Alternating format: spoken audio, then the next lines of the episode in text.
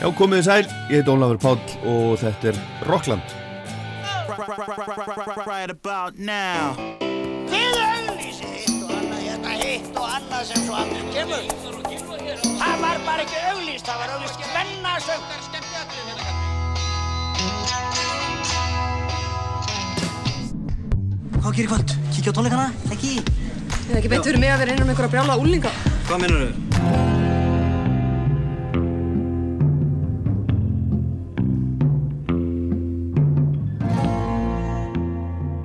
Í lok þáttarins þá heyrum við aðeins af nýri plötu frá hljómsveitinni sem að heitir Stafræn Hákon, platan heitir Aftur og er 11. platan þeirra, hvorki meirinni minna.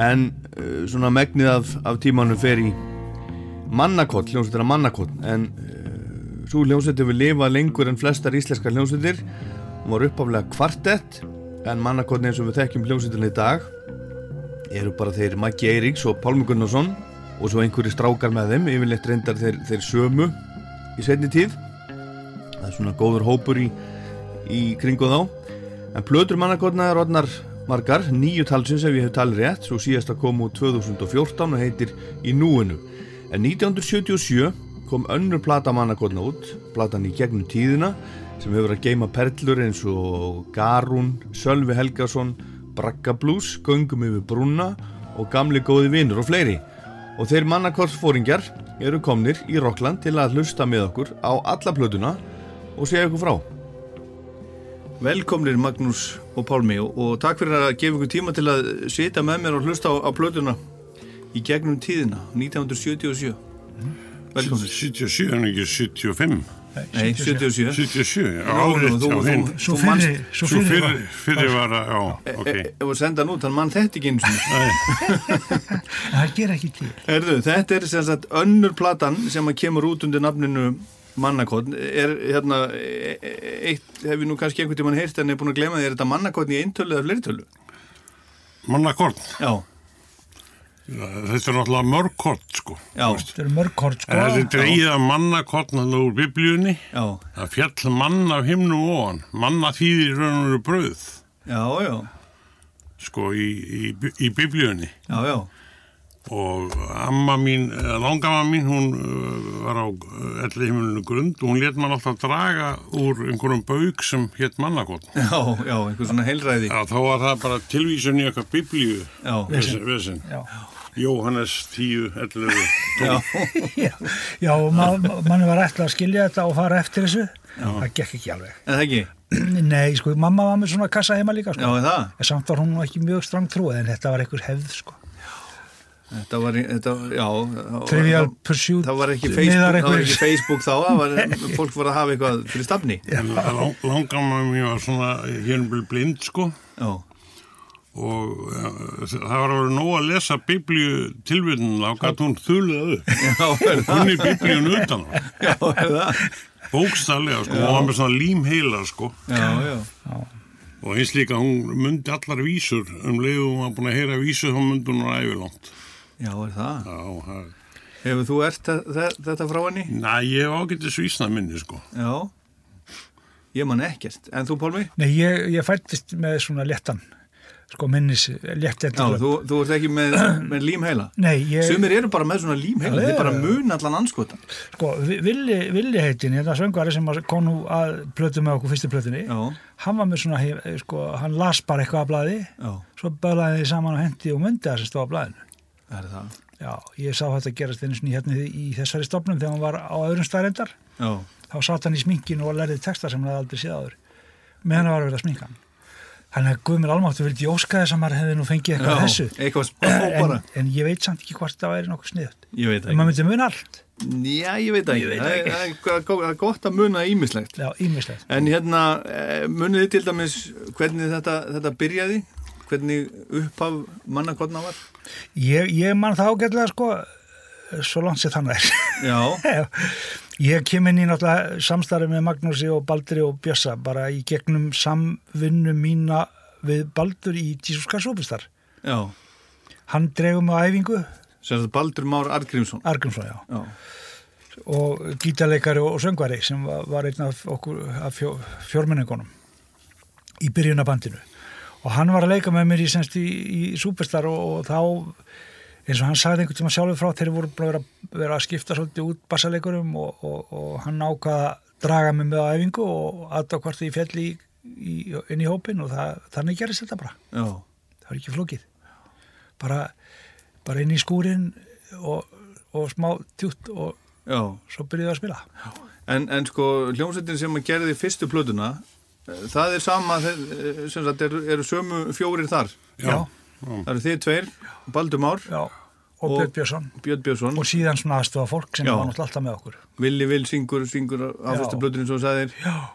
og uh, Úlfar eh, pappi Tóta Úlfars Já. hann, hann spilar á, á piano og, og, og svona við vorum, við vorum alltaf með fullt af fínu fólki með okkur Já, og höfum alltaf til verið með fínt fólk með okkur já, Sko, ég er þetta Malakot byrja sem hljómsveitin Lísa já, og þá er Jón Kristinn Kortes að bassa sko. já, já, Og svo uh, vorum við þá líka tölvöld mikið að spila á Röðli og, og út á Keflækur hlutli með hinnum þessum söngunum. Jannis Karol var með okkur um tíma. já, já, það var svona, svona uh, meira ballhljómsveit kannski. já, Svo var Didd- eh, Diddi Kortis hann var komin í tónlistaskólan og svona hafði kannski ekki beint áhuga á þessu hljómsveitastússi sko. Já, Ég veit ekki hvort hann var settur stólinn fyrir dittnar eða hvað. já, að spila á þessum skuggalögu stöðum eins og löðli nema, nema það að við skiptum hann um bassaleikar á þessum tímabili sko og þá var Pálmi frægastur á okkur sko Já. út af, út af Jesus Kr- Superstar. Christ, já. já, Þannig að- Júdas þar. Þannig að á tímabili hitt hljómsveitin eh, hljómsveit Pálma Gunnarssonar Já, það var þegar við Það vildum að vera ve sko, vel til hafiðir Já, eh, vildum vera vel til hafður og spilaðu líka gönnundansana já, og, og síðan s- þegar þessi fyrsta plata kemur út þá vantar eitthvað nafn á hana sko, þá datt mér í huga því þetta var svona sundulös sko, lögin hinga ekki endilega saman, það var allt ánum stemming kannski í þessu lagi heldur en hinnu laginu þetta var svona svona hálgett mannakot já, já, og þá datt mér í huga að Þannig kom nota, það. nota þetta gamla nafn frá langumum minni sko, á plötuna aha, en síðan náttúrulega þegar þurrlutin fara að lesa plötuna á mannakot stórum stöðum þá, já. þá, þá er hljómsveitin þar, þar með skýð sko. Já, þannig að, þe- þannig að hún varð eila, hún heitir eila mannakotn alveg óvart. Hún heitir ég að manna hvort þetta er langumumni. Já, það er gott. Herðu, þið, þið talið um hérna þessa, þessa hljómsveit, þessa hérna fyrirrennara, hljómsveitin Lísa og Röðul. Nú er ég aðeins yngrið þið. Ég veit ekki hvað Röðul var og veit ekki hvernig staður það var. Röðull var, eh, var hérna dansstaður á tveimur hæðum og matsölustaður, reikin á Helgu gamlu í Pessifata koninni frægu. Ég man ekki hvað stóttirinn var, æðisleg. Ég var nú þarna í þrjú ár með Magga Ingimas, ljónstina hans og þetta er sami, þetta er á hotnuna sem Rúbi Tuesday núna. Hérna, Já, niðri. já, já, auðvitað. Já, já. Skipolti. Já, já, og var þetta skuggalegu staður síði? Þetta var, þetta- nei, nei, já, já skuggalegur, þetta var bara uh, svakalegt tjútt, sko, þetta var, þarna, við spiluðum fimm kvöld í viku, sko, nei, sex kvöld í viku fyrir, það var Sama bara eitt- hljómsveitin? Já, þegar ég var í Magga Engimas, þá var það svo leiðis. Síðan voru svona bönd að droppa inn á sömrin þegar, að- þegar að þessi föstu bönd voru í hérna fríum og, og við spilum alltaf eitthvað, við spilum líka út á loftlegum, helling, hótti loftlegum, þetta voru allt saman svona dansstæðir Já, og, og síðan náttúrulega keflaði ykkur flugvöldurinn og síðan náttúrulega út um allt land þetta þessi fjórmenningar þeir fældist út um allt land í Já. flugvélum við sko fórum ekkert í rútu og hann vildi staðan eða hann bara í hallari sko. já, já, já. það var flogið allt. Nó innkoma, já, Nei, bara, það var bara, ég, það var svo ódýrt að fljúa, sko. er það? já, Það kostaði eh, eiginlega nokkur neins sama bara að vera, vera með bíl allan tíman og bílstjóra, sko. og hérna já, þannig að það var bara það var flott að fa- hoppa upp í flugvél Já. sko, klukkan eh, fimm að kveldu og vera síðan að spila á hotnaverði sko, Já. klukkutíma einum hálfum tíma setna sko. En eru þið þá að tala um að það hafi verið mannakott sem, sem var að eh, sem sagt, fljúa svona? já, Já, já líka. eftir, eftir að plötuna Já, já. komu út sko Já, já. Herðu, við, við skulum ekki, ekki blara frá okkur allt við, við ætlum að hlusta á alla plötuna í gegnum tíðina, tíu lög, Mhm. og hún byrjar á, á, hérna, á Garún sem að lifir ennþá góðu lífi. Mhm. Ég heyrði þið einhvern tíman, eða annarkotn ykkar einhvern tíman kynna þetta þannig að þetta var í draugadiskó Já, já, það má kannski segja það og, og hérna, eh, þetta er náttúrulega úr þessari þjóðsögu, djáknin Já. á Myrká. Já, Hvernig dattir þe- þetta í hugmæki? Þetta er náttúrulega bara að segja sér sjálft. Það- Þetta er, þetta er svona saga sem lífið með okkur öllum, sko. Stóra, svo stóra ástasagan. Stóra ástasagan. Já, En hún er, maður heldur heldur ástaljóð. Já, maður heldur kannski að þetta sé sko eitthvað sér íslensk fyrirbæri þegar döður ítvæðin snýr aftur. Já, það er, alveg þetta, sett. þetta er alþjóðlegt. Þetta er til í arabískum æfintýrum alveg lungu fyrir krist. Já, ennskum bókmentum, Já, alveg út um allt. evrópskum, you, you name it. Já, Garón, hún er, hún er búin að fara víða. Garun er búin að fara við það. En þetta er sér að uh, djáknin á Myrká, hann sér að Verður hann, ást- hann er ástofangin af, af Guðrúnu Já, og er á leiðinni til hennar þegar hann, þegar hann uh, óvænt deyr. fer á hausinn og Já, fyrir á hausinn og deyr já, og, og gengur aftur og sækir hana. Já, já, Já, og hún bjargast einhvers það rétt við bara grafar bakkan eða ekki? já, jú, jú. Ég maður rétt. Maður er að steipa snýður. já, þetta er ótrúlega flott. Ég man eftir því þegar ég heyrði þetta fyrst og bara man það mjög vel þegar platan var ný. Já, Ég var alveg dálfallin að þessu. Og þarna, ég var nú bara að lesa það áðan. Pétur Kristjáns er þetta með ykkur. Já, já. Það var Ég að hafði það, ekki hugmyndu það. þetta var, var skemmtilegu múrat í gamla hlurita sko, menn droppuðu þarna við og stoppuðu kannski mislengi sko, það er svo strætóstoppistu og svona, Já. já, já félagsmistu. að félagsmissu. Já, Og hann droppaði einhvern tíðan við að var að spjallaði við sem Pálma sko og þá var, var, var, var baldur að reyna að vera að djáknin sko, Og það gekk það ekki. gekk ekki. Þá upp, upp, þá uppuðu Pétur inn og hann tók þetta bara eins og skot. já það er þess að djú, djú, djúpa röddinn. Já, Já, Alveg þarna niðri sko. Trúlega hefur þetta bara verið beint eftir helgi sko. já, já. Þetta er meir um garunu.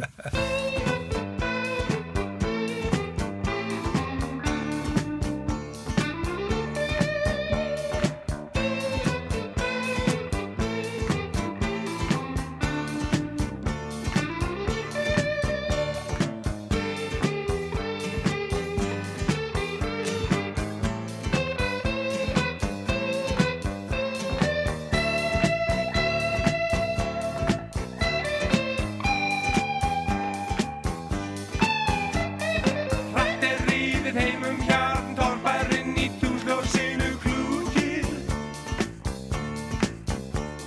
Draugalegu dökklættur, myrkar djákn á hesti sínum húkir.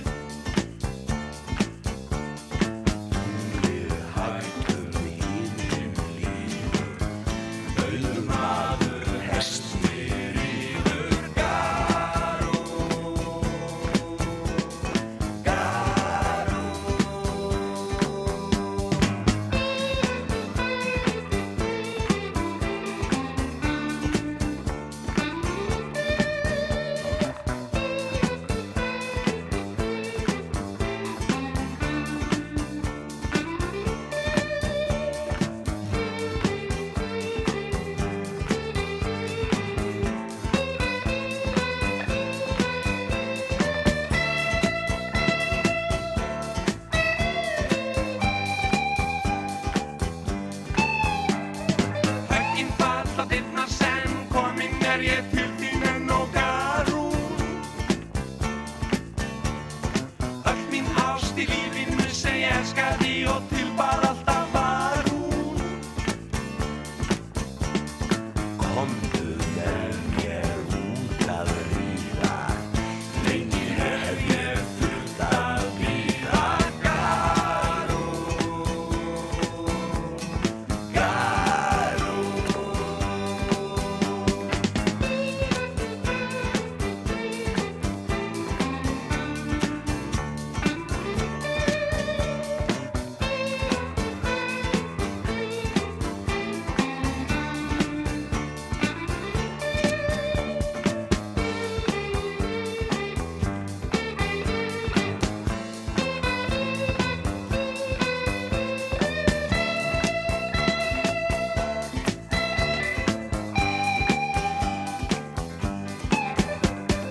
Fímend er úr hafinu, út að hálu vaðinu speik er hún. Jafnin rýður ásta sjúkur, hóla tóttir berar kjúkur garún. Dúlið hættur í lífið, auður maður hesti rýður garún.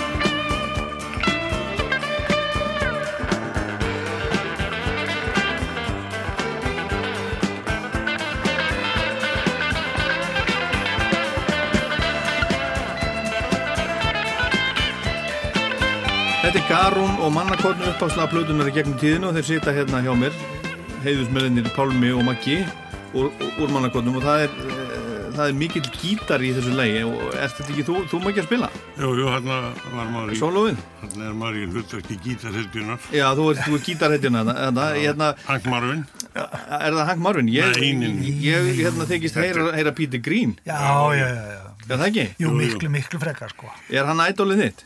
það mér eh, féll alltaf mjög vel gítarleikur hans, Já, og hann, hann, einfaldur og góður. hann hefur það frá B.B. King, eða ekki? Jú, þeir náttúrulega taka það besta hver frá öðrum bara. Já, ég held að það sé þannig að, að, að, að Peter Green hlusta á B.B. King og þaðan, þaðan kemur þetta, þetta svona sound hans. En þú hefur reynda svona að ná að tilengja þér hans, hans stíl svona. Ég byrjaði náttúrulega á því að eh, á þessu, eh, hvað á að segja, bjagaða gítarsandi. Byrjaði að nota það sko eh, kannski miklu fyrr þegar ég var með blúskompanið. Já, já, Þá var þetta bara spurningum að sitta magnan upp fyrir sex og spila. já, Þá kom þessi tótt og uh, þá var hana, Erik Clapton farin að eh, láta ljósið skína með grúpum hana, eins og John Mayall, Blues Breakers platan. Hún var svona ákveðin eh, tímapunktur fyrir marga gítarleikara. já, Sú, sú plata og er enn já, Blues Breakers með John Mayall. já. Herðu, hérna, uh, mannakotn ennþá til, þið eru hérna, en, en þessir, hérna, hini tveir, hvað, uh, hvað er að, er að frétta þeim í dag? Ég, bara held ég ágætt, sko. Já, Bara, er ekkert samband? Jú, ég- Baldur ætla nú að koma fram með okkur núna á tónleikonum Nú, hann ætlar að koma? Já, já, sem er, sem er bara aðeinslegt. Björn á ekki heimagengt eða getur ekki tekið þátt í þessu. nei. En þetta voru náttúrulega bara, þetta var náttúrulega bara þý- mjög þéttur hópu sko á þessum tíma, við spiliðum alveg svo vittlýsingar út um allt og, og þetta var náttúrulega sko hörku gítarband, þetta voru tveir gítara, bassi og trommur. Við vorum, al, við vorum yfirleitt aldrei með hljómbásleikara með okkur á þessum Nei, túrum. Þó við værum með fullt af flottum hljómbásleikurum með okkur á, á, á plötunum, þá lögðum við alltaf stað fjóri bara með í, svona ekta gítarband Já, já, og hérna spiluðu hátt. Já, það var ægilega, ég sko var bara að rifja þetta upp sko, þetta var bara hrikalega skemmtilega sko. Já, Og Þú, þetta reyndi hann sko til mikið á menn að spila eh, í svona bandi, engi spurning. en, en hérna, uh, ég var að eh, kíkja aðeins svona aftur í tíman á, á tímari.is og þar voru, þar voru að tala um að, að hérna, það voru einhverju svona jazzkvöld sem að þið voru að spila á. það er blúskvöld. Blúskvöld. Já, það er, það er skrifað allavega jazzkvöld. Já, Það er ekki jazzkvöld. rétt, það er ekki rétt. Það, það hétu blúskvöld sko. hva- eh, Ég stopnaði bluesklúb hérna einhvern tíman um 1970 með Jóni Kristinn Kortes og Erlendi Sagasinn og einhvernum fleirum góðum mannum og hann hétt Blue Note eftir, eftir jazzklúb í París. Já, já, Klúbur hétt sem sagt Blue Note og við vorum með svona blueskvöld í klúbnum þar sem að hinnir og þessi kom og spiluðu sko sem að en hvaða Björk í djarkvöld er þetta sem Gísla þú og- varst að... þetta er bara eitthvað, ég sá bara eitthvað gamalt viðtal síðan 1977 í DFF eða einhverju, eða dagblæðinu. Já. Og þar eru þið að þakka Guði fyrir, fyrir þessi vikulegu jazzkvöld.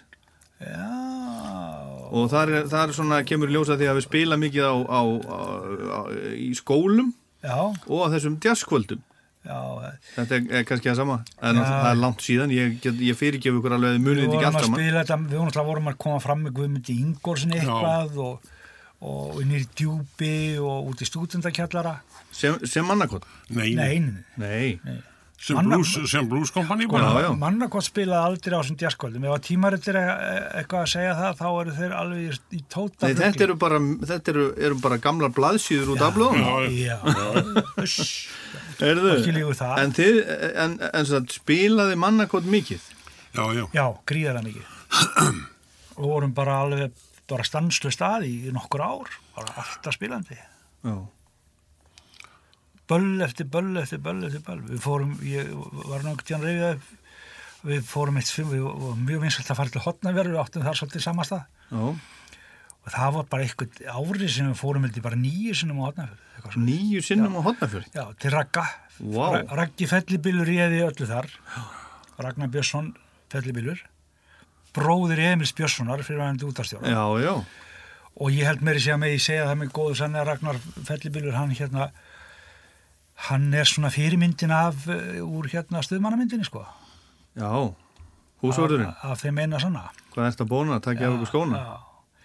það held ég að sé sko Já. á þess að ég, ég veit það nokkað skjálfur Já, já, þannig að við spilum við og við fórum út um allt já, og flugum mikið flugum ekki. já, Herðu, já, a- og flugum hátt a- fluguð á- á á ýmsan hátt. já, flugum mikið og hátt Já, á ýmsan hátt. Já, já, já. Herðu, lag nummer tvö, það er líka lag eins og Garún sem að heyrist, ennfla, talsvert af þessar blötu sem að heyrist enn þann dag í dag í útvarpi, bara mjög mikið. Og, og lag nummer tvö, það er, það er hérna, það heyrist mjög, mjög mikið og, og margir þekkja þetta á kunna og sí, syngja með ykkur. Allt önnur stemning enn í, enn í Garúnu, en, en þannig verið að syngja um, um ástina líka, reyndu aftur. já, Já, já, þetta er hann búin að klúður öllu. Já, hefur lendið því Magnús? Ha, Hefur lendið því? já, já, ég lendi í. Alveg bara klúra öllu. Ég fengi rauðarspjaldi, já. Já, og ertu að eh, sem sagt, ertu þarna á þe- þessum tíma að syngjum eigin reynslu? Mína og margra annara, sko, já, sem já, eru óglæðir á einhverju tíma, tímapunkt í lífunu. óglæðir já. ógleði, en þá reynir maður bara aftur Takk, takk og mikið út og gleðið makkanum. Já, einmitt, heyrðu, reynd aftur reyndir allt til þess að ræða við mig í gegnum tíðina ég hlustað ekki á þig ég gekk án fram minn veg Niður til heljar hér um við Reyndu aftur Ég bæði sé og veit og skil Hvert sem er Skal ég vilja þér Yfir Esjuna til túnsins, trúðu mér. Ég gekk minn breiða veg, niður til heljar hér um dyr. Reyndu aftur, ég bæði sé og veit og skil.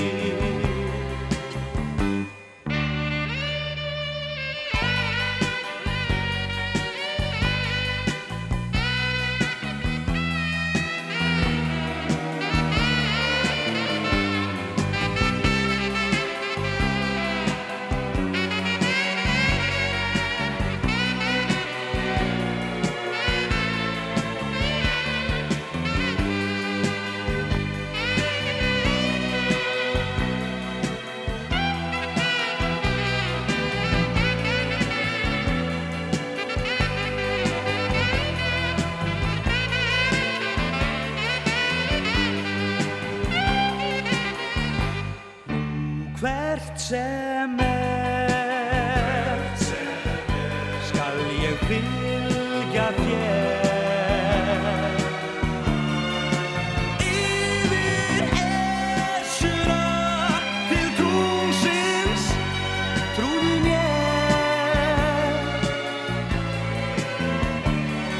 ég gekk minn breiða veg niður til heljar hér um bygg reyndu aftur ég bæði sé og veit reyndu aftur ég bæði sé og veit reyndu aftur ég bæði sé og veit og skil Reyndu aftur, þetta er mannakotna plötunni í gegnum tíðina sem kom úr 1977 tekin upp 60, nei, 76 í desember sá ég Já. byrjuðu þá og, og fram á sömar 77, kom svo út hösti 70, 77, þarna er mikið af, af, af röddum og, og strengjum og, og þarna stendur, stendur í plötunni að Magnús Ingemásson hafi verið með ykkur Jú, já, jú, það er gamli hljómsdagstjóri minn sem að Já, skrifa- seg, segið mér aðeins, aðeins frá honum Sko, ég, fyrsta hljómsveit sem ég fæ að vera með hérna í Reykjavík er hljónst Magnús Engibarssonar sem að var þá fast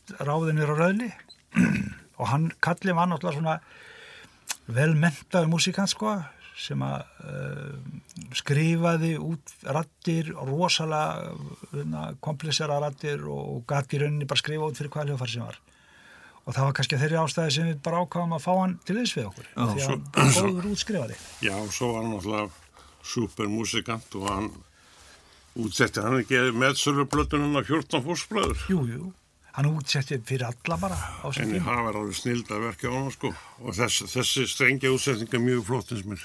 Já, þessar strengi útsendingar sem hann skrifaði fyrir okkur voru bara, bara fanta flottar sko. En ég man að við lendum í vissinni með þetta lag sko þegar hann var búin að fá symfóníuna að myndla saga á fyrirlunar. Já, Þá vorum við búin að stilla alltaf gítaran eftir, eftir nýju stillitæki sem var í 440 röðum. Já. Ja? Og symfónían stillir í 442. Er það? Alltaf? Já, ég held það sé alltaf, já. Já. Og, og hérna, eh, það var eitthvað vesen. við heyrum bara fyrirlunar æpandi falskar svo við pálmið förum bara út í sólbað meðan það er verið að sorta rétt út Já.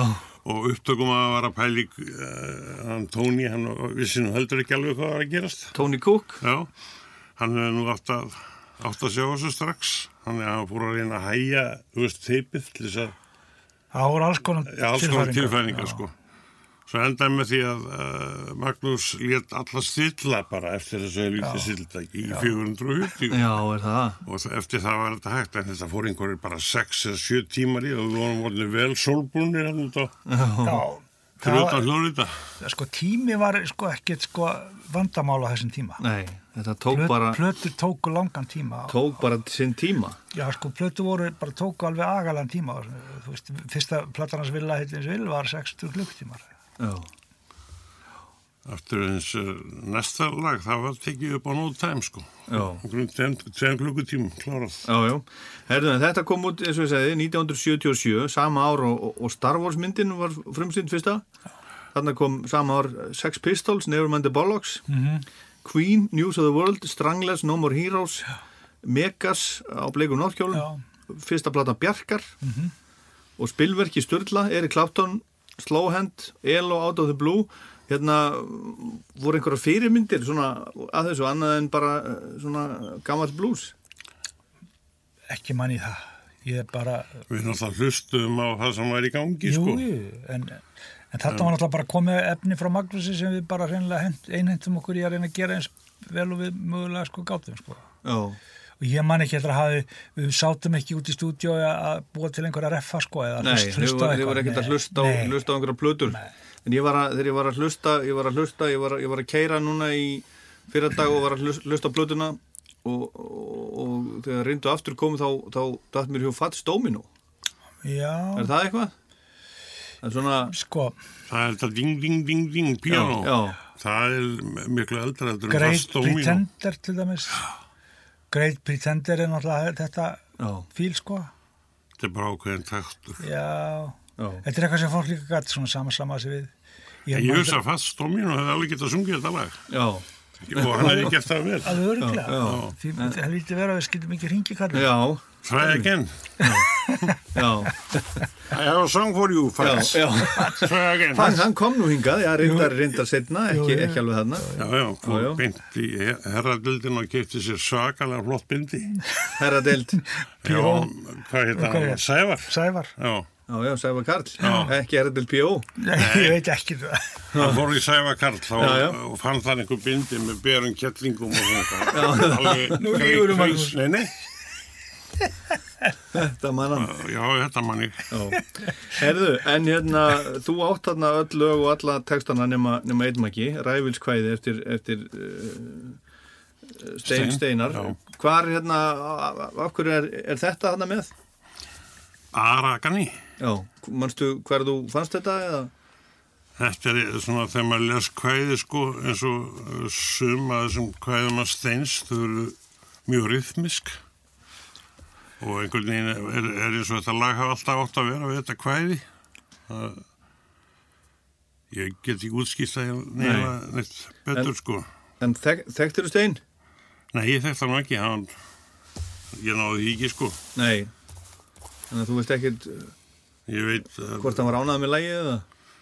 ég, ég, hann var dáinn sko þegar ég gerði þetta. lag. Já, það var þannig. Ég hringdi bara í ekkjunars, hún ástildi Já. Fjörs lefi? og uh, hún uh, spurði eins og hún gerði alltaf þegar ég gerði lögvið. Ég, ég fekk alltaf leiði hjá ástildi til að gera lög. Ég hef gert einhver þrjú eða fjúr Já. lögvið text eftir, eða ljóð eftir stein. Hver eru hinn? Það er Hudson Bay Hudson Bay, Já, á fyrstu blöðinni. fyrstu blöðunni. og svo hérna gerði hún nú lag hvað var það? aftur? Minni farið Já, já, Það er allavega Hudson Bay. Já, já, já. Látu, látu þar við sitja og, og hlustum bara hefilskvæði. já, Ég er réttur og sléttur rævill Já, rævill sem ekkert kann Ég held á hér forðum að Guð og gæfan myndu gerum mér afbröðsmann Ef til vill framsóknar frum Því fátt er nú göfur en það Og ef til vill syngjandi sjálfstæðis hetju með saltisku hjarta stað. En all lítur drottins lögum í lofti, á jörð og í sjó. Ég eldist og snýstir minn eigin skugga og öðlast ein stundar ró.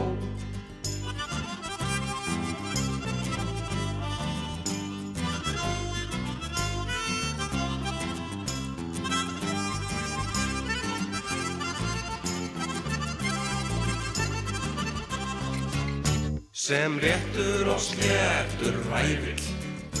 Ég ráfa um stræti og torg með hugan fullan að hetju draumum en hjartað lamað af sorg. Með hugan fullan að hetju draumum en hjartað lamað af sorg.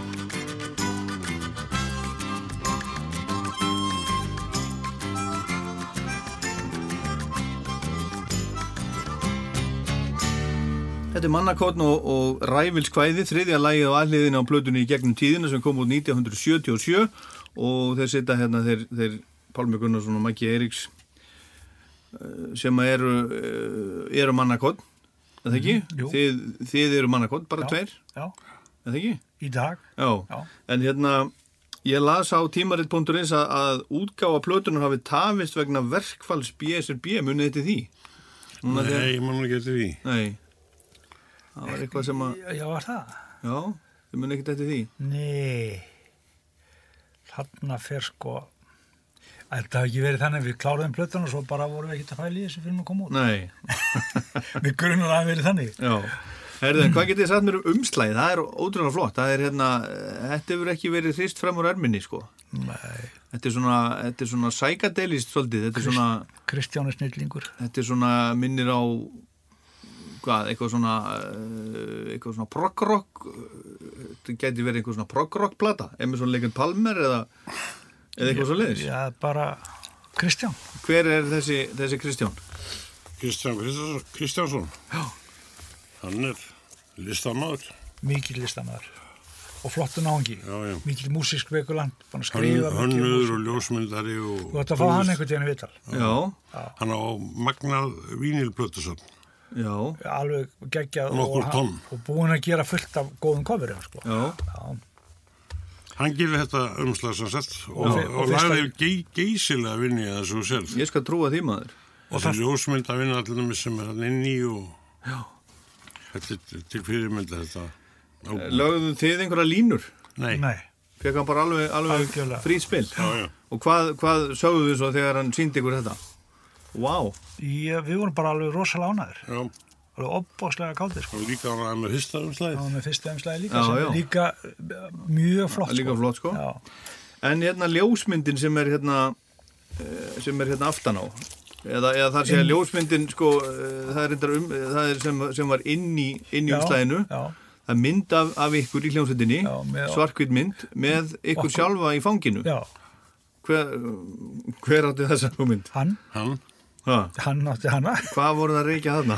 ég veit það ekki, Ha, ég hef ekki hugmynd það hefur verið- verið alveg ógæslega gott held ég, já, en ég man það bara ekki alveg já, þetta er svolítið skemm, Þetta- skemmtileg pæling Eh, mér finnst það bara alveg gekkja mér finnst það rosalega flott vinna hjá honum já, við vorum mjög ánæði með samstæði við Kristján í alla staði og erum. og erum herðu eitt smellurinn enn er, er þarna næstur, Bragga Blues en þar er ekki mannakorn að spila heldur, heldur, heldur braggabandið Bragga Blues bandið stendur hérna um þetta já, já, já. umslæðinu það kom aldrei til greina að við færum eitthvað að vasast í þessu þegar það var nóga mönn sem að gáttu tekið þetta með stíl sko. já, en þetta er bara blues já, já, en það er sama, þeir- þetta er náttúrulega bara þessi tíðaranda Ég er að reyna að ná bragga, braggasandunum, sko. já, strí, Stríðsárar. stríðsára Sjónsarasandunum, já. Og það er náttúrulega Björn Reynarsson, óalega á blaði, sko, og bróður hans, Guðmundur. og svo saksatnir og, og, og, og, og hvað, hver var hann, á pí- var ekki Kristján á piano? Jú, Nei, jú, Kristján spilar á piano þetta var band sem að eh, hann setti saman bara Maggi, uh, hann útsýtti hann okkar, Magnús já, Ingemannsson. en það Magnús er- Pétursson spilar Magnús hérna á Pétursson piano á Já, Já, já, já, Magnús Pétursson, já, það var alltaf í morgunúttarpinu. það er rétt, já Við- Þetta morgun var- leikvimina Já. já, já, Þetta er mann sem hefði alveg getað spilað á, á Hotel Borg á Já, já. Stríðsárunum. Já. og það var æðislega gaman að vinna með þeim. Ég spilaði með þeim uh, sólogítar. já í þessu lagi Já, Já, þe- þetta er svona er þetta svona næsta kynnslóðu fyrir ofan ykkur Já. Og kannski... Á undan. Já, á undan, já. Og helvíti fín spilamesska, sko. já. já, já þeir, þetta var allt skrifað út nótu fyrir nótu sko. Já, já Og þú Þeir, feng- þeir fengur sér eitt kaffiból og svo var þetta tekið upp. Já, já, En mannakorn, við vorum búin að prófa þetta sko, við höfum bara ekki alveg, Við vorum ekki alveg að... við vorum ekki að fíla Kaupa svona, þetta, sko. svona sving sko. nei En Maggi, þú ert, þú ert þarna eh, ef að minni svíku mikið, þú ert að syngja þarna eh, svona eða þú veist, þetta er svona, svona byggt á þinni reynslu og það ekki, þú, þú vannst á olíubíl Jú, ég var varst slöngu, strákur? slöngu temjari. Já, Það Og var fórstu- bara með skóla, með skóla sko. já og fórst, fór, fórst í braggakverfin og Já, þessi sem voru eftir þá sko. já, Þannig er ég hvað eitthvað svona, þegar ég er í þessu djópi þá er ég svona 15 ára gammal eitthvað úr þess. er, er- er einhver ein sérstök kona sem, sem, sem er fyrirmynd þarna þessu? Æ, ég get nú ekki einlega sagt það, jú, kannski, ég er ekkert að úttala mig um það. Nei, nei, en, en þú, þú ætti ekki að segja henni upp Nei, en, nei. en það er svo að það var ein kona þarna sem, að, sem er, er fyrirmynd möggu Það ringdi í mig kona lengi vel sem að sagðist vera að magga. Já, Já. Já, hún samsamaði sig við, Nú já, samsamaði sig algjörlega við við þetta. textan. já, Ég spurði eftir, daldi feitlæðin og ljósarð. já Nei, ég er grann og ég er sástarð. þetta gekk ekki alveg. Það gekk ekki. upp. Nei, þannig að hún var svolítið feitlægin og ljósar þessi Já, það var það. Nær komast við ekki þessu. Nei. Held ég ekki.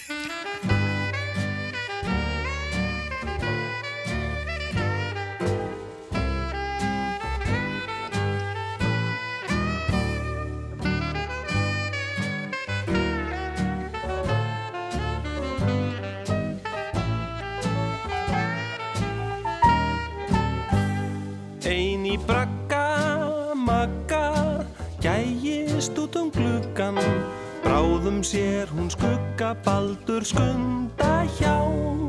En eitt túrin, stúrin, ólíu á skúrin, er erfitt nema fyrir fjandans aura fá. Í vetur, vetur, gekk henni að galdra, Til sín glað og kalda karla sem oft gáfu ör En magga í sakka Situr ein í brakka Á ekki fyrir olíu Er alveg staur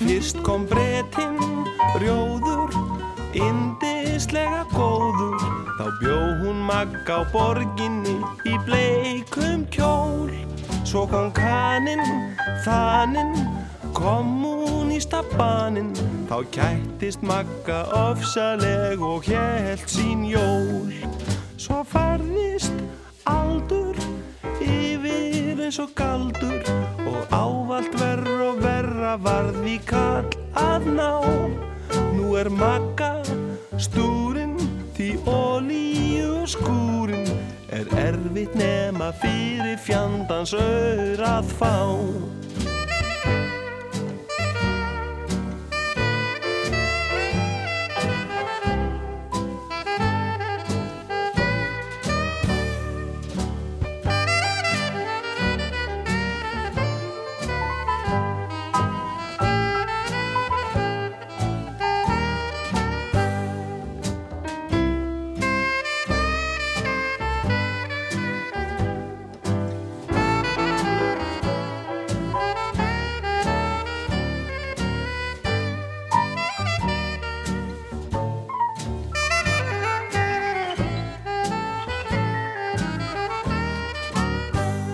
Ein í brakka, magga, gæjist út um gluggan Bráðum sér hún skugga, baldur skunda hjá En eitt túrin, stúrin, olíu á skúrin Er erfitt nema fyrir fjandans aur að fá Í vetur, vetur, gekk henni að galdra Tilsinglað og kalda karla sem oft gáfu aur En makka í sakka, situr en í brakka Á ekki fyrir olíu er alveg staur Á ekki fyrir olíu er alveg staur Á ekki fyrir olíu er alveg staur Bragga Blues af mannakotsplötunni í gegnum tíðina en samt er þetta ekki mannakotn heldur, heldur Bragga Blues, Blues bandi sem var aðeins, aðeins annað.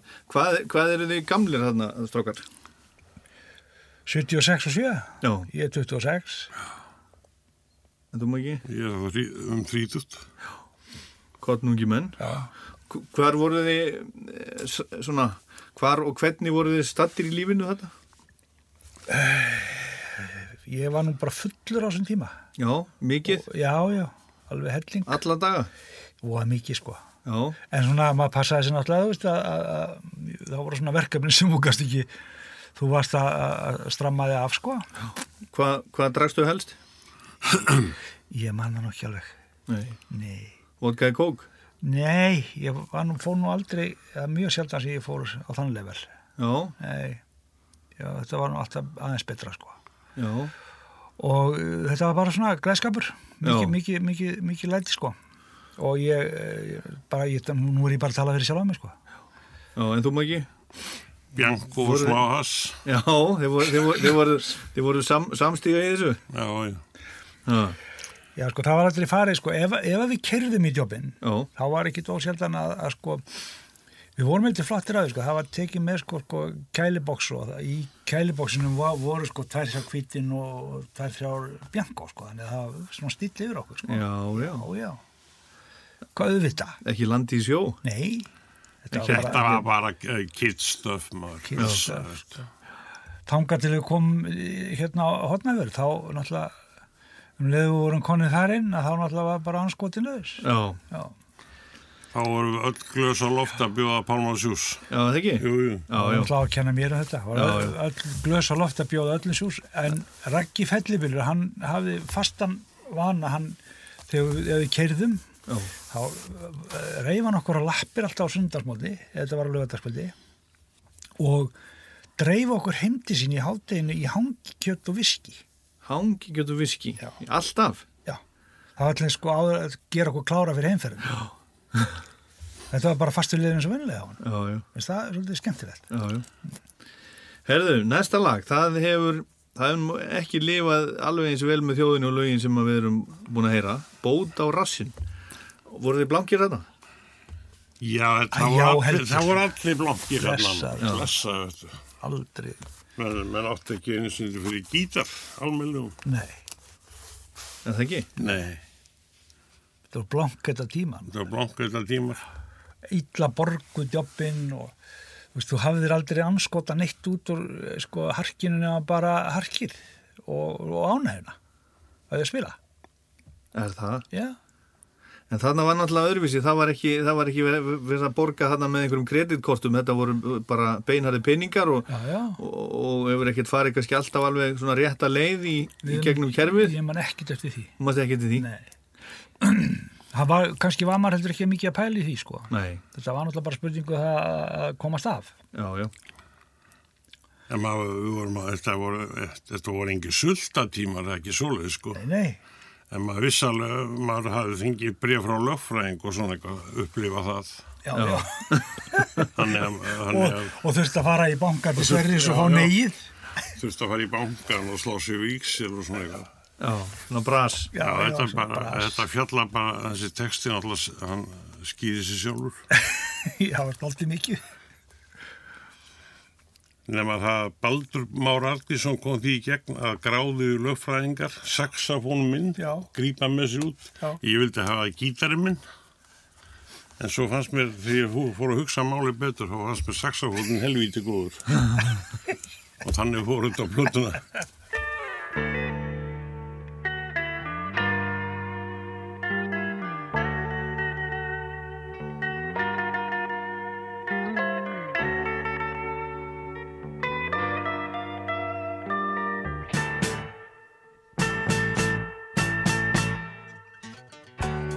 Ég á ekki bót á rassinn Og hvað get ég gert Til þess að fylla fljótt Alla mína vasa af seglum Á ekki salt í grautin Hvað get ég gert Furðu fátt án þess að strá í allar áttir blöðlum Auðarnir er ekki allt er svo argað dag og nóg Án þeirra verður mér kallt og ég sofið færi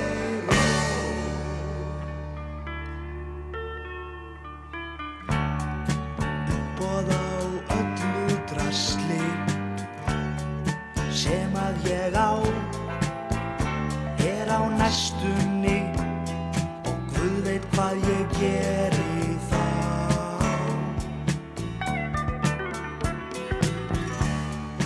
gráðu ég lögfræfingar saxafóminn taka með sér út og setja undir hamarinn.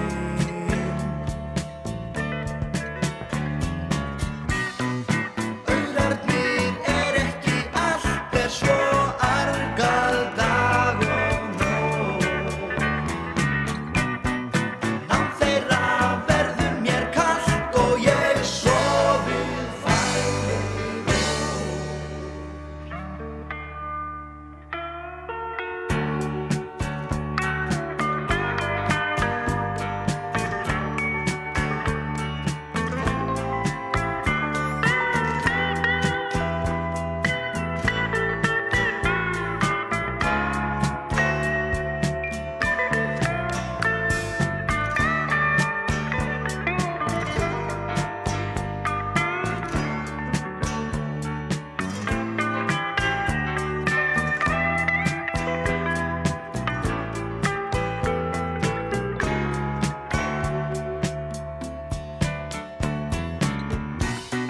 Aurarnir er ekki allt er svo argað dag og nótt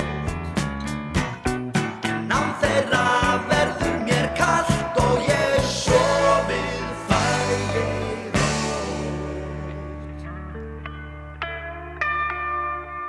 Þá ekki bótt á rassin Hvað get ég gert? til þess að fylla fljótt alla mína vasa af seglum til þess að fylla fljótt alla mína vasa af seglum til þess að fylla fljótt alla mína vasa af seglum til þess að fylla fljótt Þetta er lokalægið á aðliðinni á plötunni í gegnum tíðina sem að við erum að hlusta á hérna saman ég og Pálmi og Maggi úr, úr manna, mannakotnum á maður ekki að segja það, mannakotnum já, já. hérna uh, Fálkin gaf, gaf þessa plötu út og, og var þá bara aðal plötu útgáfni Reykjavíkur rak líka plötu búð á þessu tíma eða ekki Jú, jú, tvær. já. en svo, svo bara hérna hætti Fálkin að gefa út plötur vitið þið uh, hvað hvað gerðist hjá þeim? Nei, Hvernig það aðtökast? Að Þið voru svona öflugir um tíma? ég heldur hafi nú Ég held að bara... það er skipt fyrirtækinu eitthvað upp, Já, sko. það var eitthvað svoleiðis. sko. Og þeir seldu held ég bara þessi, þessi útgáfréttindi og uh, fóru, bara, fóru í gúlulegunar eða eitthvað. Já, þeir eru meira í svona kúlulegum og... og Þeir voru að selja svoleiðis stótt sko, já, líka. Svo voru þeir að selja reyðhjólmanni. Já, og reyðhjól, já. Mjög fræg, náttúrulega reyðhjóladeildin hjá þeim. Já, se, seldu þeir DBS. Ah, Ég maður það ekki. Það voru nú Nei, flott það var hjólmanni. orðin held ég. Það voru örnir. Hvað var um DBS? Ég veit það ekki. Það voru Hva- bestu hjólinn. Ég kefti einhvern tíma DBS í erðninum 1979 Já, eitthvað. svoleiðis. já. Og keft það fyrir peningarnir sem frúinn í Hamburgaðir. Fyrir, Já, já. fyrir þessa. Jú, jú, maður átti sundum penning. Já, já. Sem betur fer. Við höldum áfram með mannakotn og plötuna í gegnum tíðina hérna rétt á eftir. This is Steve Harris from Iron Maiden. You're listening to Radio Iceland, Rockland. Já, þetta er Rockland á Rás 2, ég heit Ólaður Páll og við erum að hlusta í dag á plötuna í gegnum tíðina með Mannakott frá 1977 með þeim Pálma Gunnars og Magga Eiríks en Mannakott verða með tvenna tónleika í Háskóla Bíó núna síðasta vetradag og sömadaginn fyrsta þar sem við erum alltaf að fara yfir allan fyrirlin en það er platan í gegnum tíðina í dag og þegar við kvötumst áðan þá vorum við að að tala um peninga En, en fyrir plötunar, nú ég hef heyrt heyr svo marga tónlistamenn tala um að þeir hafa aldrei séð krónu fyrir plötunar sem þeir hafa gefið út. Það Munið þið eftir að hafa fengið eitthvað út úr þessu? Nei, eiginlega voða lítið. Annað en ánægina. Þetta var þannig sko að uh, það var eitthvað kalla, sem að kalla break-even point. Það var uh, ekkert gert upp fyrir að það var búið að borga allan kostnaði upptökunar. og þá, þar með sko, uh, þá f- tók við eitthvað, eitthvað prósendur hlutald sko. Og þetta er þetta, tegja þetta og toga í allar áttir hann að þú átt aldrei krón inn í sko papírunum. Nei. Um, það er ekki nema það er plötu sem seldust allra mest sem eitthvað, eitthvað, Já.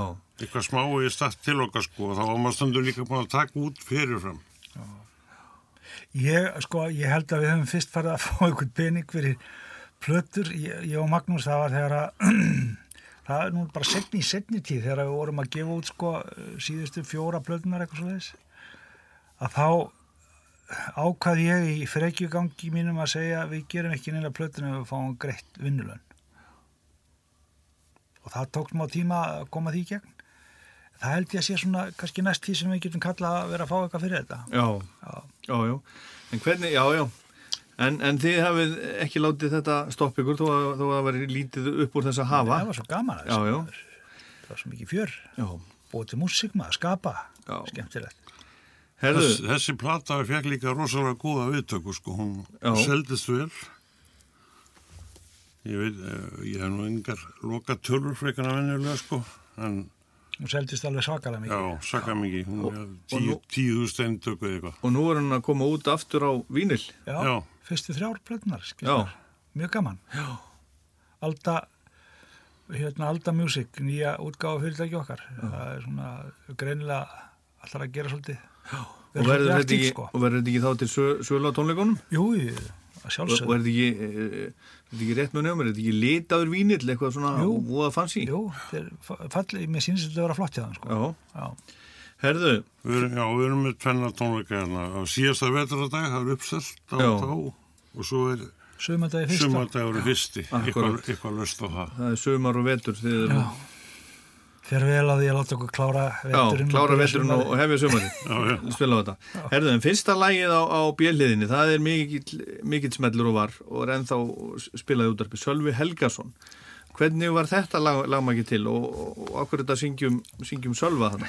Já, okkur er ég að syngja um hennan Skelmir Já um, Segðu nú upphafsögunar Já, já. upphafsögunar er þannig að Það var annar texti í gangi sko, það var annar text í gangi sko og hann var hann var mjög geg- geggjaður svo texti Nú, hann fjallar, fjallar á mann sem er að keira og allt í hennu sér hann tvær peysufattakonur í aftursættinu það sem, Já. það sem engar konur eru að vera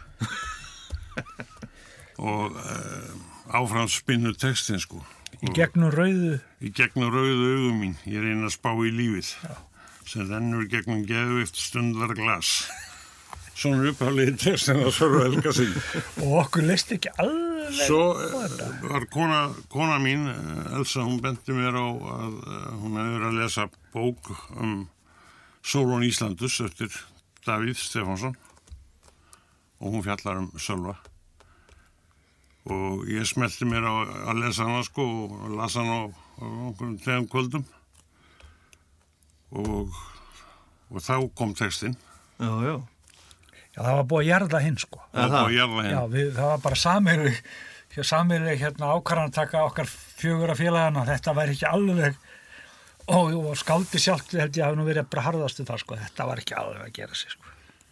Gegnum rauðu augun mín. Það er svolítið flott samt sko. Það er ekki víst að lagið hefði orðið svona vinsælt eins og, Nei. eins og það varð Nei, Já. kannski ekki, en Svo ringdi öldruð frænga mín í mig þegar þetta var komið út í, á ljósvakan, Já. þetta Sölvi Helgason, og hún sagði, alveg er í hissa og skulle vera yrkja um hennar mann. Þetta var, þetta var, þetta var óþörða maður. Já, er það? Við vorum alla skýt þetta við hann.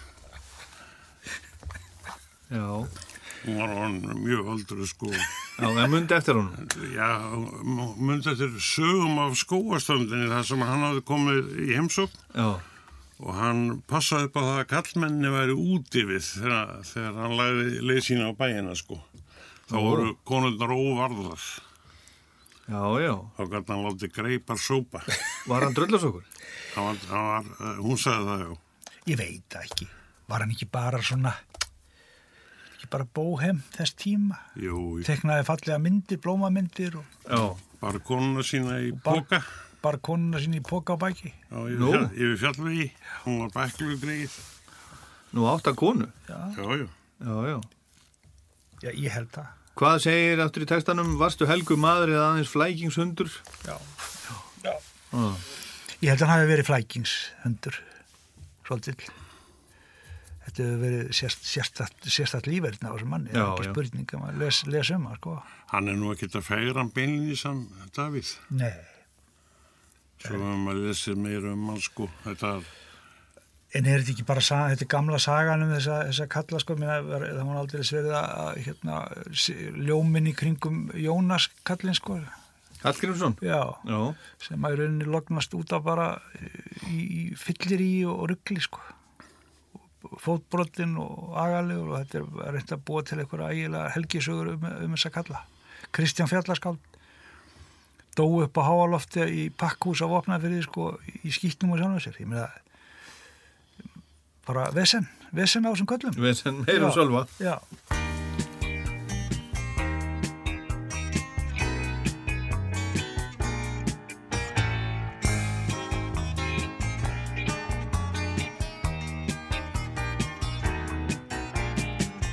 Hver var það sem hló að sínum lítið sildu löndum sem skildu ekki skál og förum menn Ræða lítill fátæku á köldum Íslandsströndum Hann kemur fram í huga okkar enn Var hann helgur maður eða latur flæking sundur Var hann sendur til að vekja nýja von Hvað var það minn kæri sem þú vildir okkur segja? Þú fræði skrýtni Sölvi Helgason. Líkt og Kristur forðum varstu krossfestur af líðnum sem til leti taldi heimspeki og list. Högar hönd og hugur þinn og að þér hændust börnin og marga heita konu fjöngstu kist.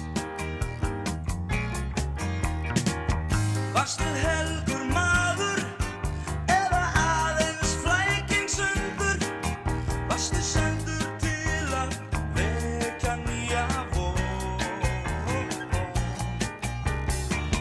Hvað var það minn kæri sem þú vildir okkur segja? Þú fræði skrýtni Sölvi Helgason Oft þú hafðir himinin að þakki þínum nætur og þáðir aðeins frels og ferðagrið Undir aldrei búan tókri festir hvergi rætur því hugur stengir út á öllu svið upp til hárra fjalla þar sem fálka einir fljúa þú fluttir þína bæn og þína von og þó að líður segði að þú þreyttist sýnt að ljúa varstu heill og sannur Sölvi Helgason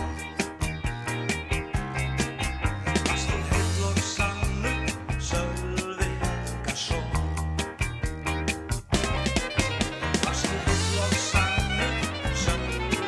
heill og sannur Sölvi Þetta er mannakotn og lagið um hann Sölva Helgason En hann, vild, hann þráði frelsu og ferðargrið. Já, já, Það gerði hann. þess að hann flakka Já, þess að hann já, og þess að teiknaði hann blóm. Já. Það var listamæðurinn í honum sem var alltaf að kíkja þarna fram, sko. Þetta eru flotta myndir sem að gerði, Já, já. engi spurning. Já. Og hérna, skakfyrringar er hann nú ágætlega ánaði með, hann er ekki komið sölvasettur og, og svona, mm, það er svona, Jú, jú. þeir eru að minnast hans nokkur reggilega, sko, Sle, sléttur hlýðin. eftir liðin. Já, já. Herðu, en þeir eru núna, þetta er 1977 og þeir eru ennþá að spila saman árið 2019. Eru þið hérna, eru þið í miklu sambandi svona þegar, þegar, þegar þeir eru ekki að spila? Eru þið, eru þið góðu félagar? Já, svona, um, Við erum alltaf í sambandi. Já. Já, já. Haf, hafið átt skap saman? oftast. Oftast, já. Já. en hefur, hefur, hefur svoðuð upp úr? Nú, auðvitað, annað væri bara óæðilegt í, í, í fjettu og góðu samstarfi maður, það verður átök verða alltaf bara, þau eru bara eðlileg og, og fín, sko, Já. þau skerpa bara vinskap segi Eru þið ég. eins og eins og margir sem að ég hef, hef, hef heyrt í og, og svona lesið um þeir, uh, tala um þá sem eru, eru með mér hljómsveit sem svona hálfgera bræðu sína bara og Já, það rýfast við á eins og maður rýfst við bræðu sína Já, já, ég, ég náttúrulega, við erum búin að vera svo anskoti lengi að að hérna bauka saman ég og mækja, ég meni þetta er bara ég sko, ég nenni ekki einu svona orðum það, sko Nei, þetta er bara fínt, þetta er bara, ég kann vel við þetta og náttúrulega, þykir væntum Magnús, alltaf þótt Það er ditt og. all, allt í standi Já, Já, já, já, þeir eru ekkert eins og margir svona, svona uh, já, þeir náttúrulega eru ekki, eru ekki að spila svo mikið en, en sumir sem eru í svona stórum tektu hljómsveitu þeir, þeir sko hittast bara á sviðinu ferðast með sikkur um bílnum og já, já. sikkur á hótelinu og svona Nei, sko, Hitta það, svo það bara var upp á aldrei, sviði. við höfum aldrei verið það, sko, þetta er aldrei, þetta samstar okkar er aldrei byggt, byggt á því að við séum með nefið hann í, í hvors annars koppi, það er ekkert svoleiðis. Nei. Það er bara, við okkur fellur ágætt að vinna saman og, það hefur tek, oft hefur bara tekist vel til, held ég. Já. En hverjir verða með, með ykkur á tónleikunum hérna? Þeir sögðu að Baldur Már sem að er á þessari blödu, gítarleikari, hann ætlar að, ætlar að uh, koma hérna fram sem gestur þá eða hvað? Já. Já, já, hann er gí- hann, a- e, í, í þessu fjöguramanna bandi okkar Já. sem að við vorum með þarna á þessum tíma sko. Þá var hann söngvari líka og, og, Já, gít, og e, rytmagítalegari. Og á þetta nokkur lög, á katalógnu hjá okkur, sko. Já, já. Já, já. Lillu Jóns og hann sem með okkur í Hudson Bay og Mhm. Gungum við Brúna og það er bara Já, já. graðirauður. Já. Það er Baldur Már sem að tekur það með stíl, sko. já. Og hann stjórnaði mjög mikið prógraminu sem voru með sem, sagt, sem dansband sko. Já, já. Og náttúrulega upptökustjóri hjá okkur líka. Og var mjög framalega í, í, í því að fylgjast með músík sko. upptökustjóri, náttúrulega, má, ekki, má alls ekki gleyma hans hlutverki sem Nei, nei. upptökustjóra mannakvartna því Nei, að nei. hann var alveg prímus mótor þar sko. Já, já. já, já. Þannig að hann á, á, á heilmikið í þessu öllu saman. Sama betlum þessa plötu, það er enda Tony Cook var með okkur á fyrstu plötunni. Ég glemdi nú að leira þetta Magnús á hann með það.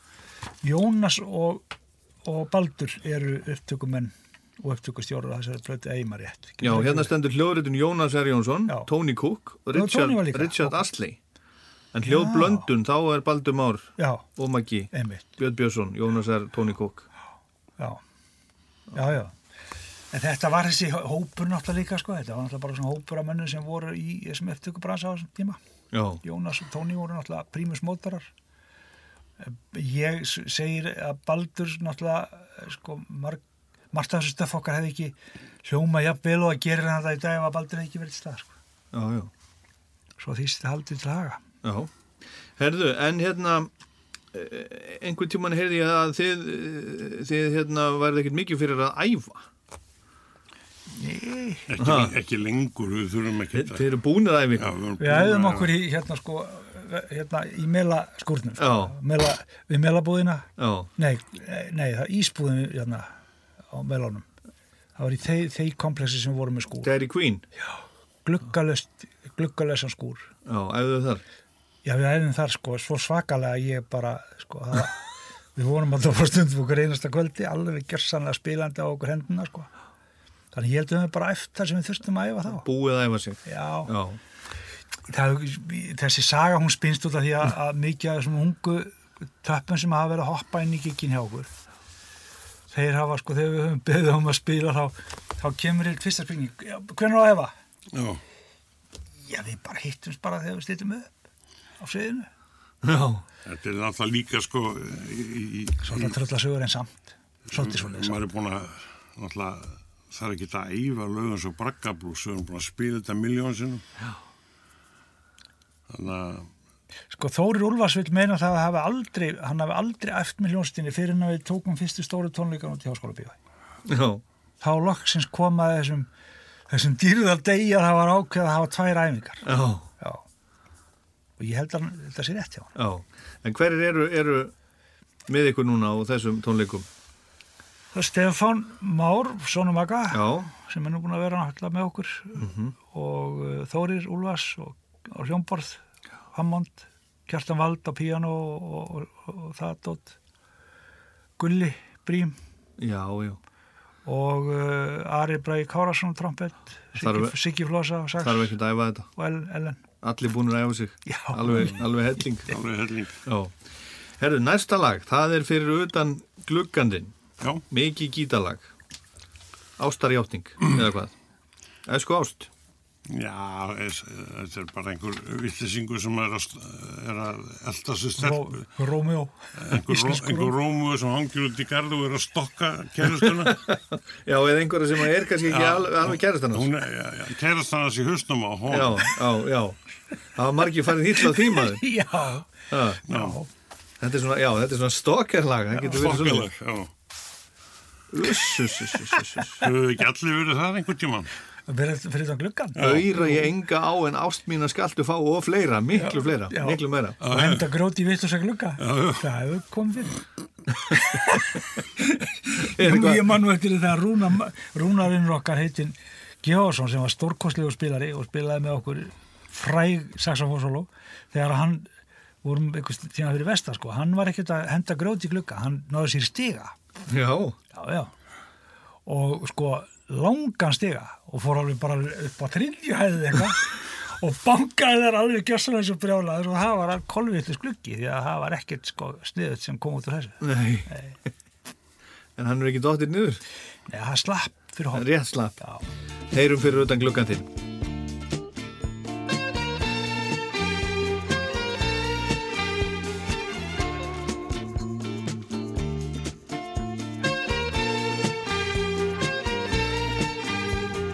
Oft var ég einn okkar með aflóga spýtusverða glápa eða rápa Ring kring húsið þitt í vonlösi ástarfímu gekk ég og þar hekk ég dagur grár í gröf sem líður gæjum enda skóla býður í glæstum pappa bíl í fyrsta sín fyrir utan gluggan þinn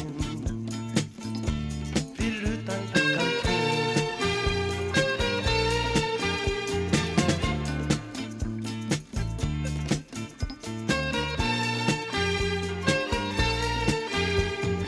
Aura ég enga á en ástmína skaltu fá að fleira, miklu meira Dragspil og drengja hjól, dívan og ástar orða heyra Í þitt eira, einn ég geng um gamla slóðir og um bæinn drömma glóðir og ég græti húst og fyrsta sín fyrir utan gluggan þinn